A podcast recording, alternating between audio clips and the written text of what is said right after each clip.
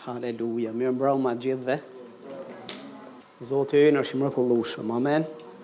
Romakët kapitulli 8, këto vargje që do, shku, do t'i kalojmë së bashku nuk janë të panjohura për ne, por dua t'ju jap zemër sot. Dhe dua që t'i vizitojmë këto vargje, sepse janë të, të frymëzuara nga fryma e shenjtë. Dhe jo nuk janë, nuk, nuk është një, një poezi e bukur, Po janë fjalët e Zotit tonë, janë e vërteta e çmuar e Perëndisë tonë për ne. Vargu 31 deri tek vargu 39.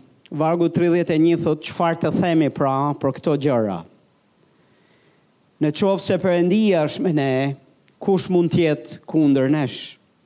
Sepse ai që nuk e kurseu birin e vet, por e dha për të gjithë ne, qysh nuk do të na dhurojë të gjitha gjërat bashkë me të. Kush do t'i padisë të zgjedhurit e Perëndisë? Perëndia është ai që i shfajëson. Kush është ai që do t'i dënojë?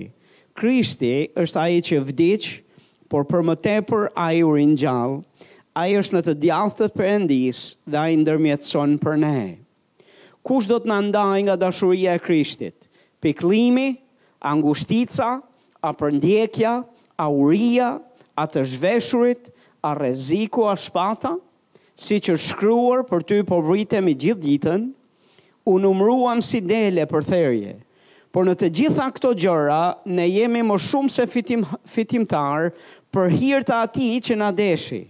Sepse unë jam i bindur, thotë Pali, se as vdekja, as jeta, as ëngjëjt, as pushtetet, as fuqia, as gjërat e tashme, as gjërat e ardhshme, as lartësitë, as thellësitë, as ndonjë tjetër krijesë, nuk do të mund të na ndajë nga dashuria e Perëndisë që është në Krishtin Jezus, Zotin tonë. Amen. Haleluja! Vargu tridhjetë e një thotë çfarë të themi pra për gjitha këto gjëra. Në qoftë se Perëndia është me ne, kush mund të jetë kundër nesh? A e di se Perëndia është me ne?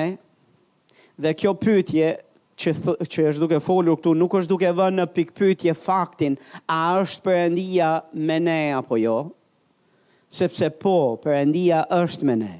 Ai nuk na le dhe nuk na braktis kurrë. Ne jemi bijtë e Perëndisë, Ai është Ati ynë i çmuar i mrekullueshëm. Ai është Perëndia që është me ne. Në fakt Ai është me ne, Ai është dhe brenda nesh. Është një me ne. Që kur i kemi thënë po Atij, Ai është me ne. Dhe kur Ai është me ne, njerëz të Zotit, dhe kur Ai është me ne, thotë Bibla thotë kush mund të jetë kundër nesh? Që do të thotë nuk ka pushtet, nuk ka qenie, nuk ka situatë dhe rrethanë në jetë që mund të vijë kundra nesh, që mund t'i bëjë ballë Perëndisë që është në anën tonë. Ti nuk je vetëm. Ti nuk je vetëm përballë stuhive të jetës. Ti nuk je vetëm në këtë botë që është duke shkuar drejt shkatërrimit e drejt kaosit. Ti nuk je vetëm edhe në këto kohë të fundit ku Çfarë s'po dëgjohet majtas dhe djathtas. Ti nuk je vetëm dhe kjo duhet të të japë ty zemër, sepse fjala thotë kur Perëndia është me ne, kush mund të jetë kundër nesh? Kush guxon, kush e ka atë fuqi, atë pushtet që të vijë kundër teje? Kushdo që vjen kundër teje dhe kundër meje njeri i Zotit, ti duhet ta dish, haleluja, që Perëndia e merr personale. Ti duhet ta dish që Perëndia e merr personale. Në Fjalën e Zotit na flitet për Palin. Pali ishte Sauli më përpara se të bëhej Pali dhe apostulli Pal. Bibla thotë që ai shkonte kudo duke përndjekur kishën e Zotit, duke i lidhur, duke i burgosur, duke i përndjekur në çfarëdolloj mënyre që kishte mundësinë që ta bënte këtë gjë. Por Bibla thotë që rrugës për në Emaus, Bibla thotë që Për, për në Damask, a ku do shkonte, Bibla thotë që iu shfaq Jezusi. Dhe fjalët e Jezusit ishin, kush prej jush i mban mend? Saul, Saul, përse më përndjek? Nuk i tha pse po m'i përndjek njerëzit e mi, pse, pse po përndjek uh, kishën time, pse po përndjek uh, Popullin e Zotit, pse po i përndjek ata, po tha pse po më përndjek kë? Mua.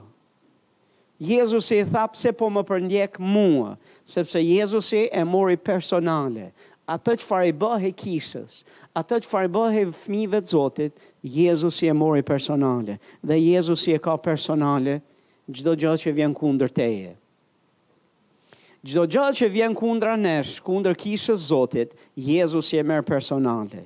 Perëndia ynë e merr personale dhe Shkrimi i Shenjtë thotë këtë gjë, që unë mbi këtë shkëmb do ta ndërtoj, thotë Jezusi, kishën time dhe portat e ferrit nuk do mund triumfojnë dot mbi të.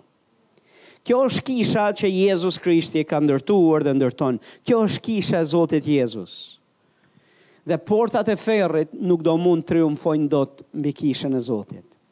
Prandaj njeriu i Zotit merr zemër, kur Perëndia është me ty, kush mund të jetë kundra teje? Ti nuk je vetëm me bet, në, në përballje me betejat e jetës. Ti nuk je vetëm në përballje me njerëz të ligj që nuk besojnë. Ti nuk je vetëm në këtë botë kaotike, që duket sikur gjërat nuk po shkojnë si duhet, ku duket sikur veç siguri nuk ka. Ti nuk je vetëm.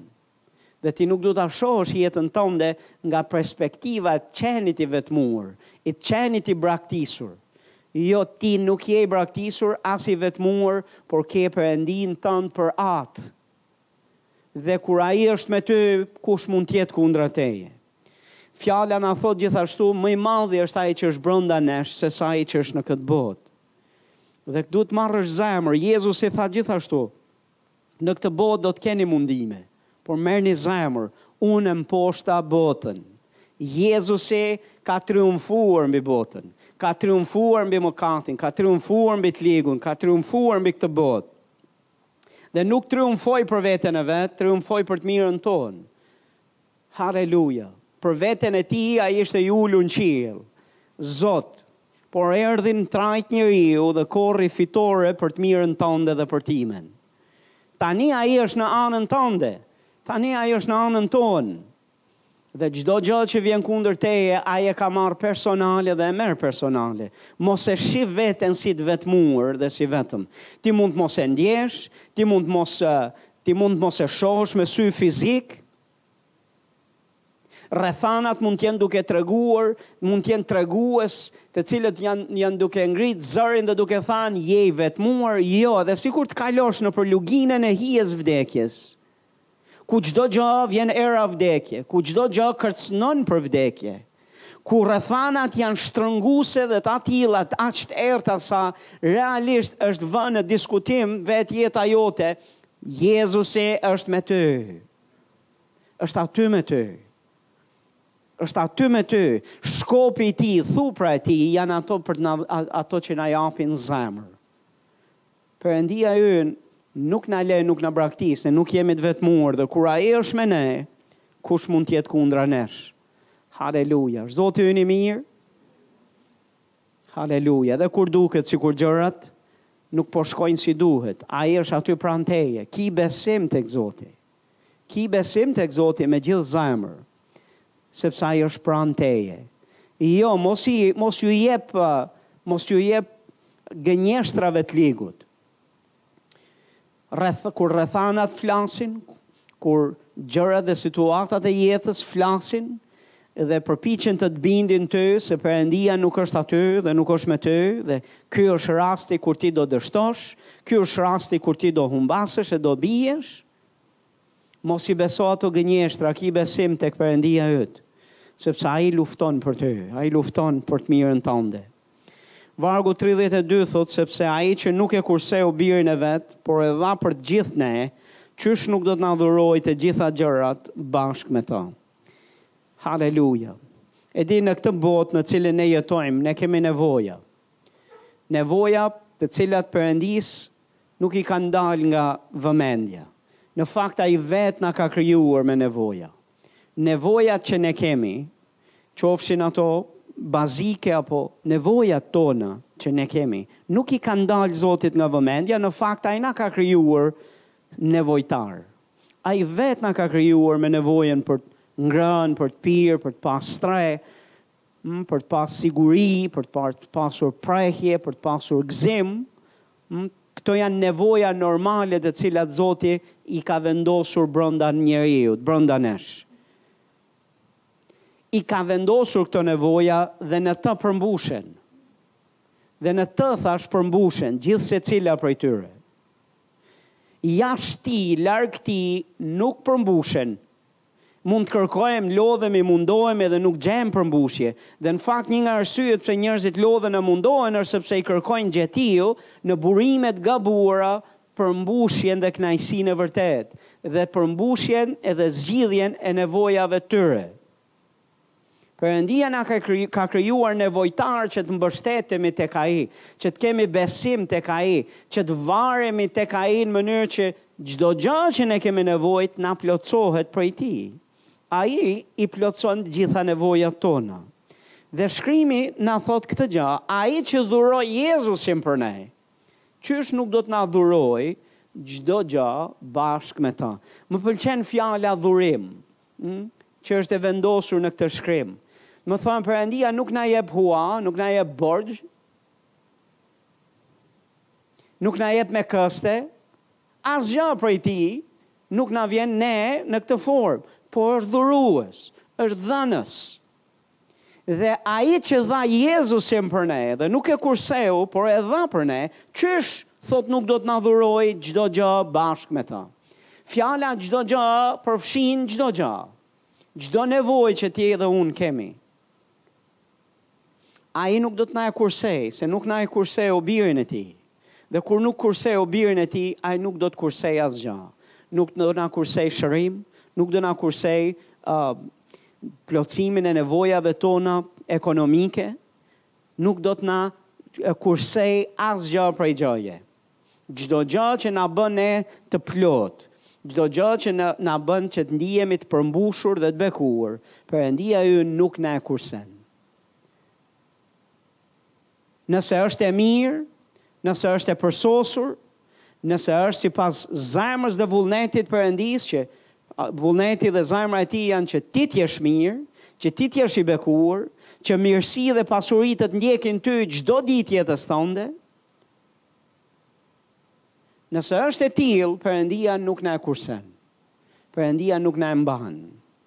Madje Fjala e Zotit na thotë që ai mund të bëjë jashtë mase përtej asaj çfarë ne mendojmë apo kërkojmë. Përtej asaj çfarë mendojmë dhe kërkojmë. Nëse ne kemi një listë nevojash dhe vim përpara Perëndisë, Perëndia kurrë nuk do të na thotë ke shumë në listë. Perëndia do të na thotë shtoji akoma më tepër kësaj liste se kam shumë ma tepër për të bërë për ty. Sepse Perëndia ynë është i tillë, çdo gja që ai e jep, nuk e jep me kursim, por e jep me bollëk. Ai do që kupa jonë të derdhet. Ai do thashë që kupa jonë e bekimit të derdhet, jeta jonë të jetë aq plot sa të jetë duke u derdhur. Dikush të thotë amen. Lavdi Zotit. Vargu tridhjetë e tre thotë, Kush do t'i padisë të zgjedhurit e Perëndisë? Perëndia është ai që i shfajëson. Njerëz të Zotit, nuk ka gja më të keqe për një besimtar se sa të jetë i bindur në në mendjen dhe në zemrën e vet se Perëndia është duke e paditur. Dhe më më lini t'ju them një gja, që në qoftë se dikush mendon këtë gja, nuk ka zgjidhje dhe rrugë. Ku do shkohet në qoftë se Perëndia do të na padiste? Shkrimi gjithashtu pak më poshtë thotë, Kush është ai që do t'i dënojë? Nëse Perëndia do ishte autor i dënimit, ku do shkohet? Ku mund të shkohet?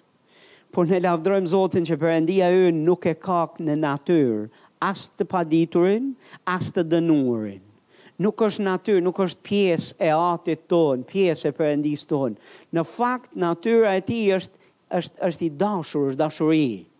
Dhe shkrimi na thotë që ai jo veç që s'na padit, po ai është në është në fakt shfajësuesi ynë. E di njerëz Zotit, uh,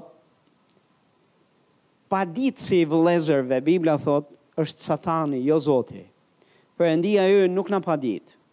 Perëndia ynë është i interesuar, Perëndia ynë na bind për mëkat, nuk na padit. Ka një ndryshim mes bindjes për mëkat dhe padisë. Padia është e tillë, ke gabuar, ti do të dënohesh, ti do ta paguash dënimin tënd. Ndërsa bindja për mëkat nga ana e Frymës së Shenjtë është komplet me natyrë tjetër, është që ti të pastrohesh, të kuptosh nevojën për pastrim dhe të prijë drejt pendesës që të hysh nën gjakun e Zotit Jezus dhe të marrësh lirinë tënde. Ka komplet natyrë tjetër me të paditësin. Perëndia shfajëson. Perëndia të shfajëson. Perëndia është i interesuar për shfajësimin tonë. Nuk është i interesuar për padinë, për të paditurin tonë. Akuzuesi i vëllezërve, paditësi i vëllezërve është Satani. Dhe njerëz Zotit, në qoftë se ti ndihesh i akuzuar në mendjen tënde, në qoftë se ti ndihesh i paditur në mendjen tënde, vrapo drejt Zotit. Shko tek Shkrimi i Shenjtë dhe njihe natyrën e Zotit tënd. Ai është Shfajësuesi yt. Është Shfajësuesi yt. Dikush thotë Amen. Haleluja. Nuk e di për ju, po ky për ky për mua është lajm i mirë. Jo çdo padi dhe akuzë është e bazuar në gënjeshtër.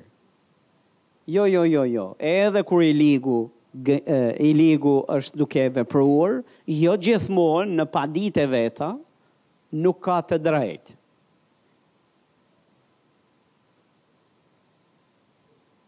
A jeni këtu?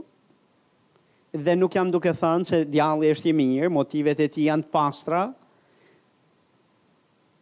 Jo, jo gjithmonë, thash, është duke akuzuar me të padrejtë, është duke akuzuar tërësisht në në në në gënjeshtër.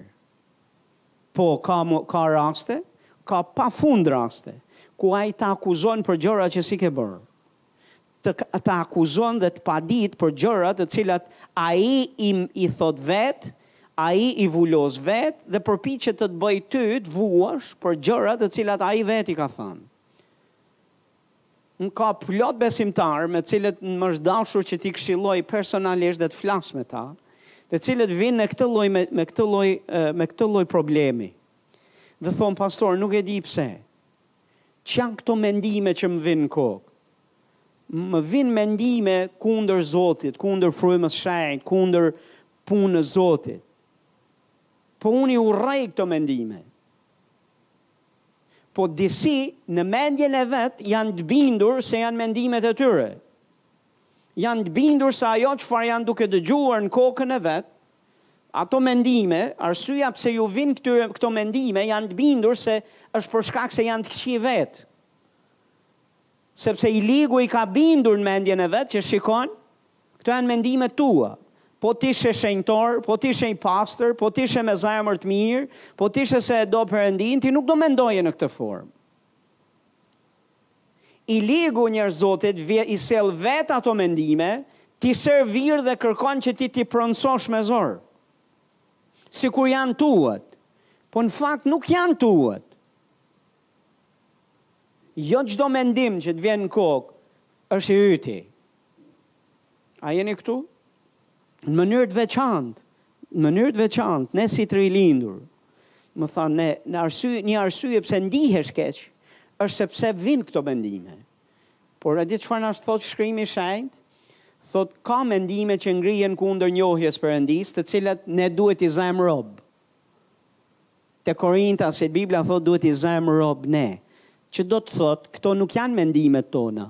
Këto janë mendime që vijnë nga jashtë, vijnë janë mendime që i ligu i servir dhe i sjell. Jo nuk janë tuat, jo nuk je ti i lig. Jo ti nuk je ke këtë zemër, jo ti nuk je ky. Ti je i rilindur, ti je krijesë e re, ti je fëmija i Zotit, ti s'mund t'i mendosh këto mendime, ti s'mund të mëkatosh, ti s'mund të kesh mendime kundër frymës Zotit dhe kundër Perëndisë, ti s'mund të kesh dhe të gjesh kënaqësi në mëkat. Po duhet të duhet të jesh i vetëdijshëm që është dhe një djall atje jashtë, i cili është gënjeshtar dhe ati i gënjeshtrës, është mashtrues. është tunduesi, tundues, i cili të servir mendime që s'janë tuat, janë të tijat. Po mbasi t'i servir, përpiqet të të bind se janë tuat. A jeni duke dëgju? Përpiqet të të bind se janë tuat. dhe në mënyrë të veçantë në qoftë se ti i përqafon dhe e beson atë gënjeshtër, pastaj ti hyn nën nën nën akuzat e tij. Menjëherë vjen dënimi dhe akuzat për gjëra që ti nuk i ke menduar, për gjëra që ti s'i ke bërë, për gjëra që s'janë tuat. Dhe i ligu e ka në natyrë këtë pjesë, përpiqet ta bëjë dhe këtë anë, po ka plot raste ku ai nuk nuk vjen me këtë lloj me këto lloj gënjeshtrash të të plota po ka realisht gjëra që ne i kemi bërë ka realisht gjëra që ne kemi thanë ka realisht gjëra për cilën ne kemi uh, e kemi uh, vet e kemi çu veten në atë pikë sa të akuzohemi dhe jo në akuzat që i ligu bën nuk është se është tërësisht në gënjeshtër Dhe më lini t'ju them këtë gja, në qoftë se s'është e tillë, në qoftë se ka rastis që ti ke mëkatuar, ka rastis që ti ke bërë gjëra që vërtet janë në kundërshtim me Fjalën e Zotit, merr zemër, vrapo tek Zoti. Mos u largo prej tij, vrapo drejt Zotit, pse? Sepse ai do të të shfajësojë ty. Ai do të të falë ty, ai do të të pastrojë nga mëkatet tua. Rrëfeje mëkatin tënd përpara Zotit dhe Perëndia do të të shfajësojë ty. Dhe në këtë mënyrë njerëz të Zotit, edhe ato akuza apo padi të cilat vijnë kundër teje, do të shfuqizohen, do të bien, pse, sepse ti ke marrë faljen dhe shfajësimin nga Perëndia. Dikush thotë amen. Thotë kush do t'i padisë të zgjedhurit e Perëndisë? Më i ligu e bën këtë gja, po nga krahu tjetër Perëndia bën krejt kundërtën, Perëndia shfajëson. Thotë kush është ai që do t'i dënojë? Krishti është ai që vdiq, por për më tepër Ai u ringjall dhe Ai është në të djathtën e Perëndisë dhe Ai ndërmjetëson për ne. Dikush thotë amen. Përse vdiq Zoti Jezus Krisht? Për mëkatet tona, apo jo? Jezusi vdiq dhe pagoi për paudhësitë tona. Ai vdiq dhe pagoi çmimin, pagoi për dënimin, për dë, në vend të dënimit tonë, Ai vuajti vetë, u dënua, mori dënimin tonë e mori mbi vete. Pasojat e mëkateve tona i mori të gjitha mbi vete. Vdiq në vendin tonë. Nuk ka ku shkon, pagoi çmimin për mëkatet tona në drurin e kryqit. Dhe Bibla thotë jo veç që vdiq për mëkatet tona, por për më tepër thotë ai u ringjall. Haleluja. Dhe sot ndërmjetëson për ne. Për çfarë ndërmjetëson? Ndërmjetëson për dënimin tonë? Për çfarë u ringjall? U ringjall për dënimin tonë? Për çfarë vdiq? Vdiq për dënimin tonë? Jo, nuk vdiq për dënimin tonë, nuk u ringjall për dënimin tonë dhe nuk Është duke ndërmjetësuar për dënimin tonë. Fjala e Zotit thotë gjaku i Jezusit flet më mirë se sa gjaku i Abelit. Sa prej jush mbani mend historinë e Abelit dhe Kainit? Mm, Abeli vrau të vllain. Ah, lavdi Zotit. Kaini vrau Abelin. Dhe mbasi e vrau, e mbuloi me dhe e e mbuloi mirë e mirë, në mënyrë që të mos shihej dhe mos të dallohej nga sytë e njeriut, dhe nga sytë, pretendoi se edhe nga sytë e Perëndisë, do mbulohej gjaku i pafajshëm i Abelit. Por Bibla na thotë që gjaku i Abelit foli. Dhe gjaku i Abelit flet. Perëndia e dalloi. Perëndia ia dëgjon zërin gjakut. Ia dëgjoi zërin dhe britmën gjakut të Abelit. Dhe gjaku i Abelit foli. Dhe nuk foli për shfajësimin e Kainit, por për hakmarrje dhe dënimin e tij. për shpagimin e atij gjaku. Kështu foli gjaku i Abelit. Gjaku i Jezusit flet ma mirë. Gjaku i Jezusit flet për shfajësim, flet për mëshirë, flet për faljen tonë. Dhe ky është ndërmjetësimi që Jezusi bën për, përpara Atit për ne. Ndërmjetëson gjaku i tij, ndërmjetësojnë lutjet e tij, janë për shfajësimin tonë, janë për çlirimin tonë nga dënimi. Çfarë i thotë Atit Jezusi? Jezusi i thotë kryqi është i mjaftueshëm. Gjaku është i mjaftueshëm. U dënova unë, pagova unë, në mënyrë që ata të jenë të shfajësuar dhe të falur. Dhe kjo është lajm i mirë, njerëz të Zotit. Tani kjo nuk është licencë për kishën e Zotit, që të jetojë një jetë të pakujdesshme. dhe një jetë, një jetë të mëkatshme, edhe një jetë të dyfishtë, një kamë në botë e një kamë në Zotin. Jo, kjo duhet na përulë në fakt ne. Duhet na përulë më shumë dhe duhet na bëjë më të përgjegjshëm e të shenjtë përpara Zotit tonë, e më të kujdesshëm për mënyrën se si ne jetojmë jetën. Por nëse. Nëse ka ndodhur që kemi mëkatuar, nuk ka dënim për ne. Zoti nuk ka dënim për ne. Zoti ka falje dhe ka mëshirë.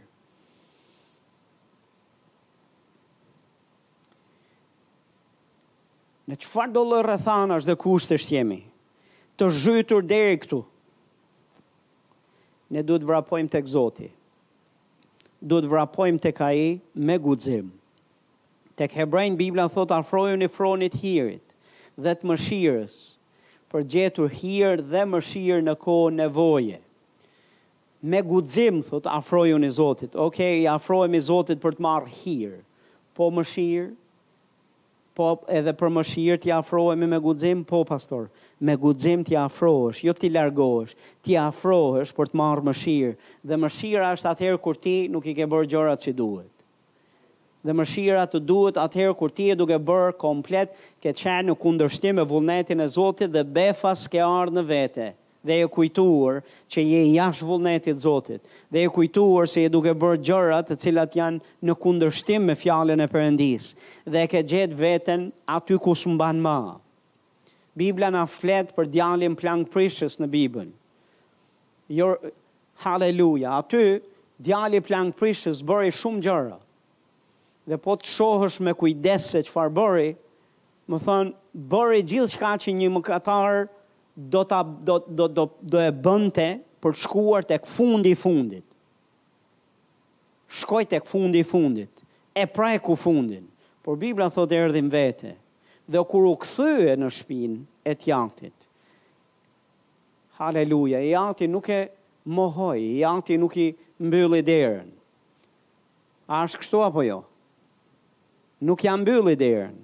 Ky është, kjo është natyra e Zotit tonë, Ai nuk ka derë të mbyllur, Ai nuk ka krahë të mbyllur, të, të mbyllur. Ai ka krahët e hapur, ai e ka derën e hapur në çfarëdo lloj kushti që që të jesh. Sikur të jesh i zhytur në mëkat, pastor, kam mëkatuar, pastor.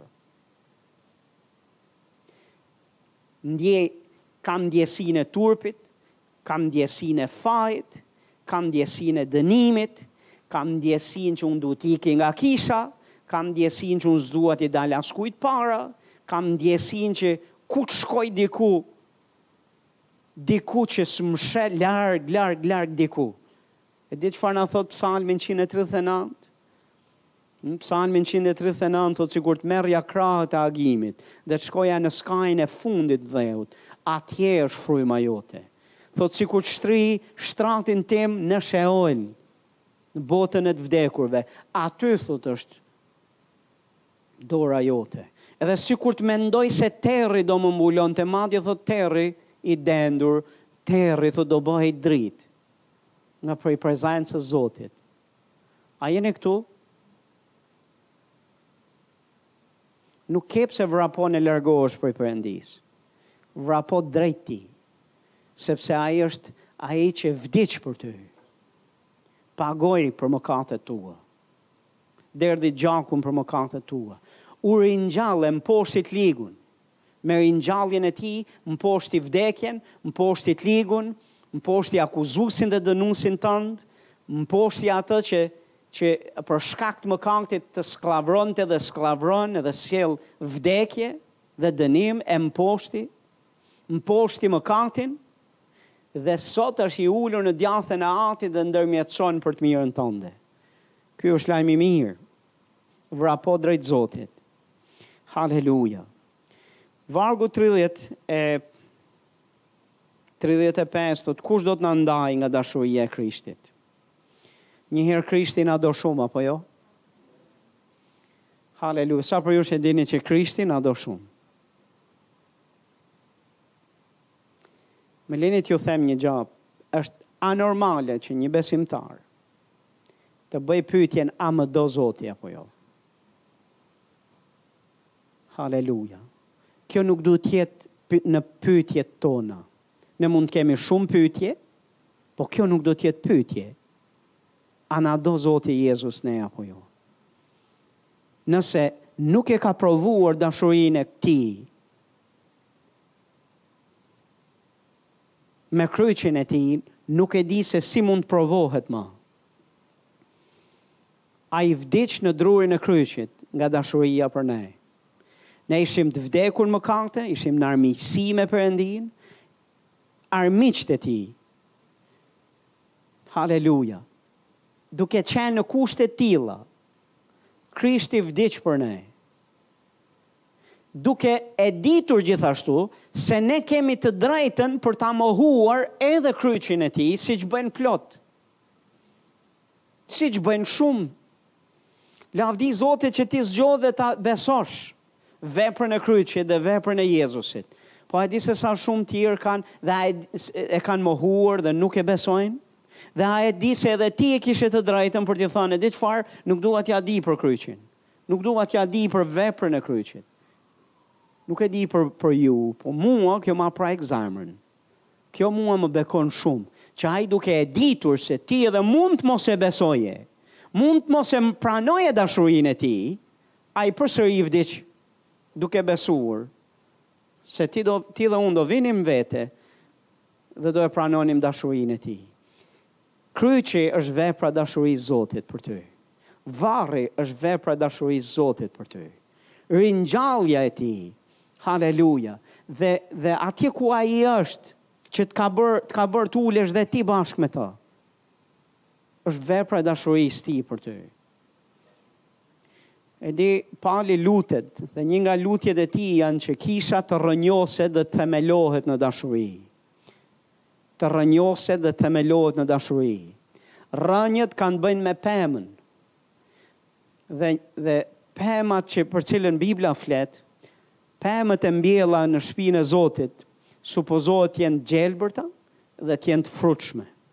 Dhe kur rrënjët tona janë të mbjella në dashurinë e Zotit, kur ne kemi rrënjë tek dashuria e Zotit, ne do të jemi të frutshëm e do të jemi të gjelbër gjithmonë. Do të jemi plot me jetë. Kur je njohës i dashurisë Zotit, i dashurisë Krishtit dhe i ke rrënjët aty.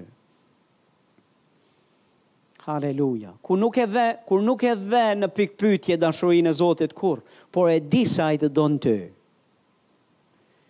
Themelet, themelet kanë bëjnë me një ndërtesë. Dhe Jezusi foli, foli për uh, shpinë e ndërtuar në shkëmb. Shpija e ndërtuar në shkëmb është e qëndrueshme. Shirat bien, fryn era, përplaksen dallgët, vërshon prroi, por ajo shpi e cila është ndërtuar në themele të sigurta, ajo ndërtesë e ndërtuar në shkëmb nuk lëvizet, nuk dëmtohet. Dashuria e Zotit duhet të jetë në themelin tonë. Amen. Dhe njerëz Zotit, një gja që ti duhet ta dish dhe duhet ta dish dhe duhet ta dish është se Krishti të don ty. Të ka dashur kur ishe kur nuk e meritoje, kur ishe larg tij në armiqësi me të, sa më tepër tani thotë te Romakët. Sa më tepër tani ai të don ty. Tani që je i tij, tani që ti beson, tani që ti i përket atij, Ti mendon se ka ndryshu mendim? Ti mendon se ai është i penduar për kryqin ku shkoi?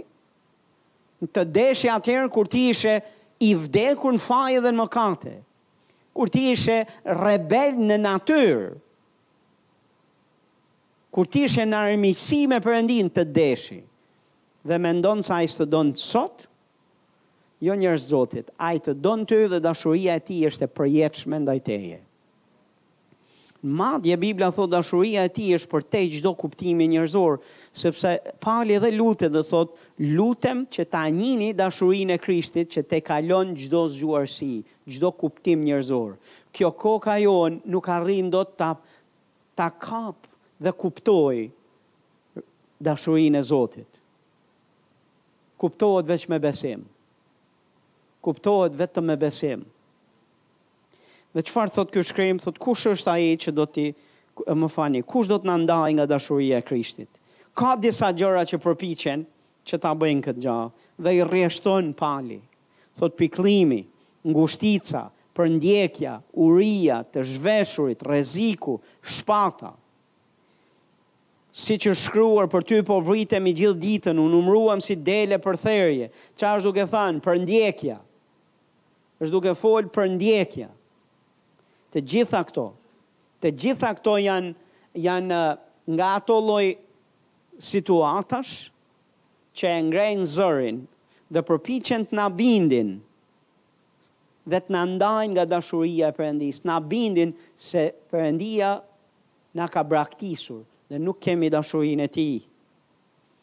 Po jo njerëz Zotit, në asnjë rrethanë, asnjë prej këtyre, sado të jenë të larta dallgët e sado të fryjnë erat e sado situatat e jetës të vinë, ti kurrë mos vër në dyshim dashurinë e Perëndisë për ty, sepse Ai të don ty me dashuri të përjetshme. Me dashuri të përjetshme. A mundet thotë shkrimi tek Jeremia të braktisë një nanë foshnjën e gjirit të saj? Jo, një nanë lavdi Zotit e kishte për nanat e atyre viteve, se ka ca nana këto kohët e fundit që ça s'po dëgjojnë veshët. Edhe ka fjalën për nana që kanë zemër nane. Po një nanë që ka një zemër nane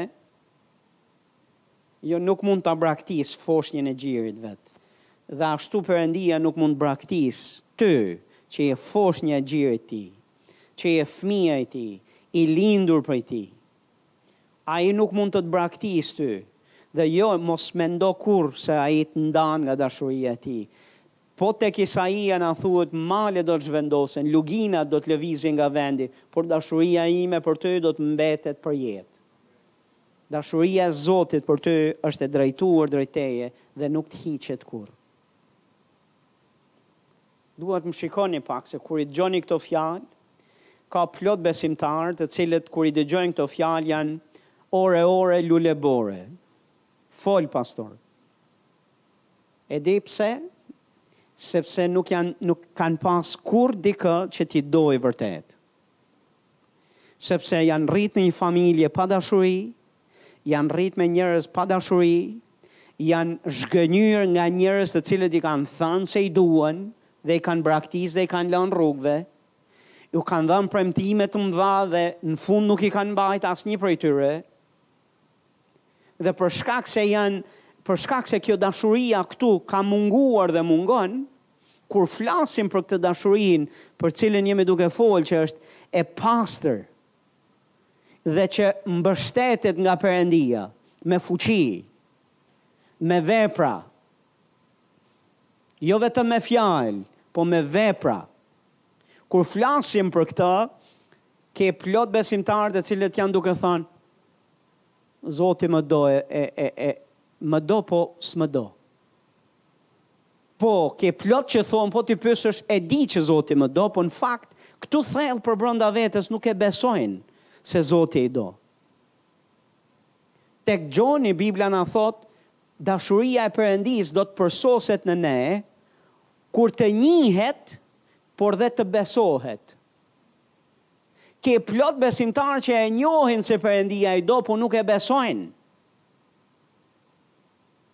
Që të përsoset ajo dashuri dhe ta japë efektin e vet në ne, ka nevojë të besohet. Besoje njeri i Zotit. Besoje se Ai Nuk heq dorë prej teje. Dhe kur ti përballesh me ngushtica, kur ti përballesh me pikëllime, me uri, me të zhveshur, me rrezik, me shpatë, me çfarëdo gjëje që vjen kundër teje dhe që përpiqet të të ndajë nga dashuria e Tij, dije, ti mund të ndahesh nga dashuria e Tij. Ti! Dashuria e Tij ndaj teje kurrë jo. A jeni këtu? Dashuria e Tij ndaj teje kurrë jo. E ka vulosur dashurinë e tij ndaj teje, njeri i Zotit. Vargu tridhjetë e shtatë thotë, Por në të gjitha këto gjëra, ne jemi më shumë se fitimtarë, për hir të atij që na deshi. Haleluja! Më lini të flas pak prej vargut tridhjetë e një deri te tridhjetë e gjashta, sepse është duke folur për për jetët tona. Dhe këtu është duke thënë, në të gjitha këto gjëra, në çfarë gjërash? Për çfarë gjërash e ka fjalën, ne jemi më shumë se fitimtarë.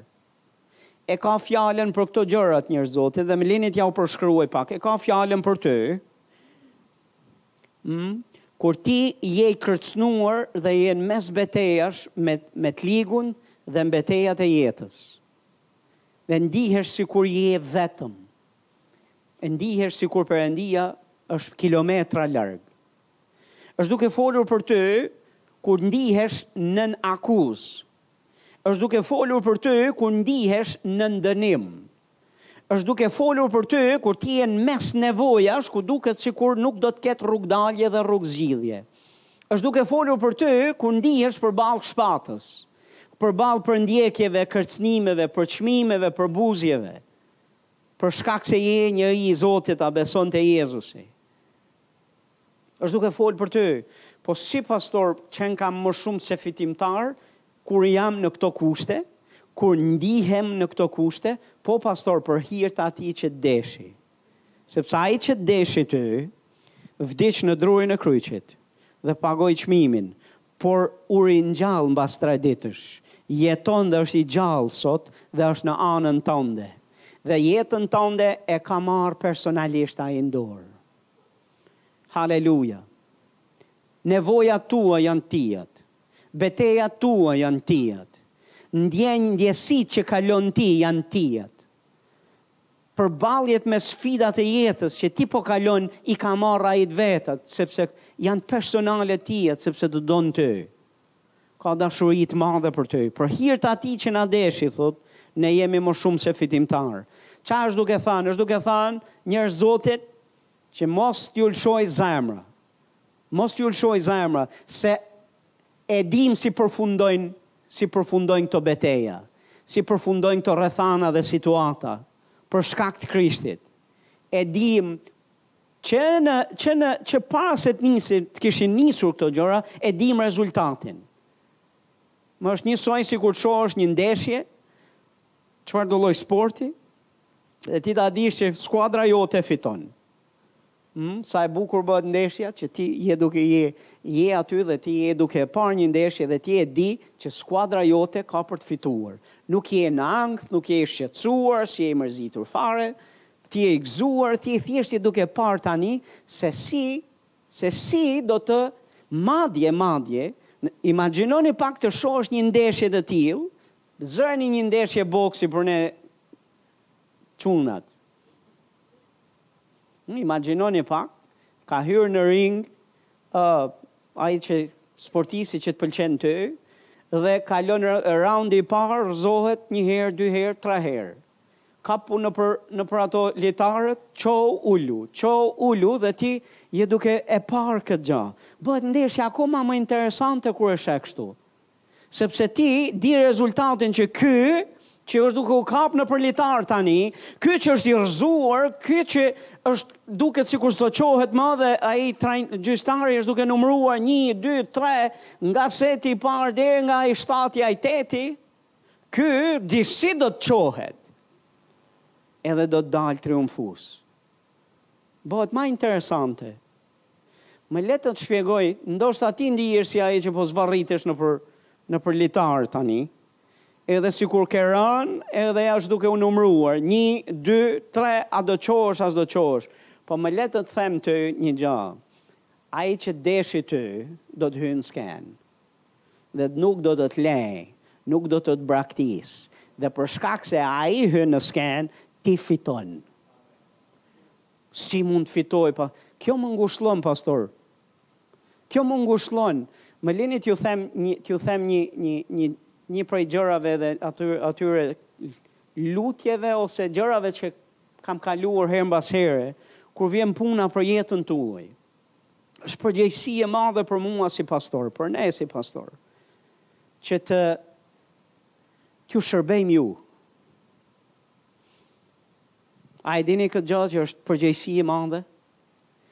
Dhe herë mbas herë kur ne shohim se si shkon jeta e njërit apo e tjetrit, herë mbas herë në të natyrshmen ndihemi se sepse nuk është është përtej forcave tona për të bërë diçka. Është përtej nesh. Shumicën e rasteve është përtej nesh. Dhe ka plot raste ku ne mund shkojmë deri tek këshilla ose deri tek një ndërhyrje në të natyrshmen, po që dhe ajo që na ngushllon njerëz të Zotit është fakti që Perëndia ynë mundet t'ju mbajë ju. Mundet t'ju ruajë ju. Mundet t'i mbajë barrat tuaja. Mundet të kujdeset për ju. Mundet t'ju nxjerrë në anën tjetër. Kjo na jep forcë. Kjo na bën që ne të lutemi e t'i besojmë jetët tuaja para Zotit me besim dhe me siguri që ju do jeni do jeni deri në fund, do ta përfundoni garën dhe do shkoni tek Zoti ynë Haleluja me me kurorën e fitores. A jeni duke dëgju besimi ynë nuk është në ne. Besimi ynë nuk është as në ju. Se do ja dilni, se do ja dalim. Besimi ynë është në Perëndinë që na dha frymën e shenjtë dhe na besoi në duart e frymës shenjtë i cili do të na çojë në krahun tjetër tek Ati. Fryma e Zotit është është kapari kapari i Perëndisë që është dhënë për ne. Është vula e Perëndisë. Është fryma e shenjtë na është dhënë që mos të mbetemi vetëm, mos të jemi jetim. Dhe besimi ynë është tek vepra dhe puna e frymës shenjtë që do t'ja dalim e do shkojmë deri në fund. Dikush thotë amen. Jo njerëz Zoti, ti mund të jesh duke u zvarrit nëpër, duke u kap për litarësh tani. Po ta t'ju jap një sekret, pastor. Ne fitojmë. Ne jemi më shumë se fitimtarë. Ne fitojmë. Duket interesant i ligu, nganjëherë duket sikur ka kontrollin e vet dhe përpiqet që të ngrejë duart përpjetë dhe thotë po fitoj unë, po fitoj unë.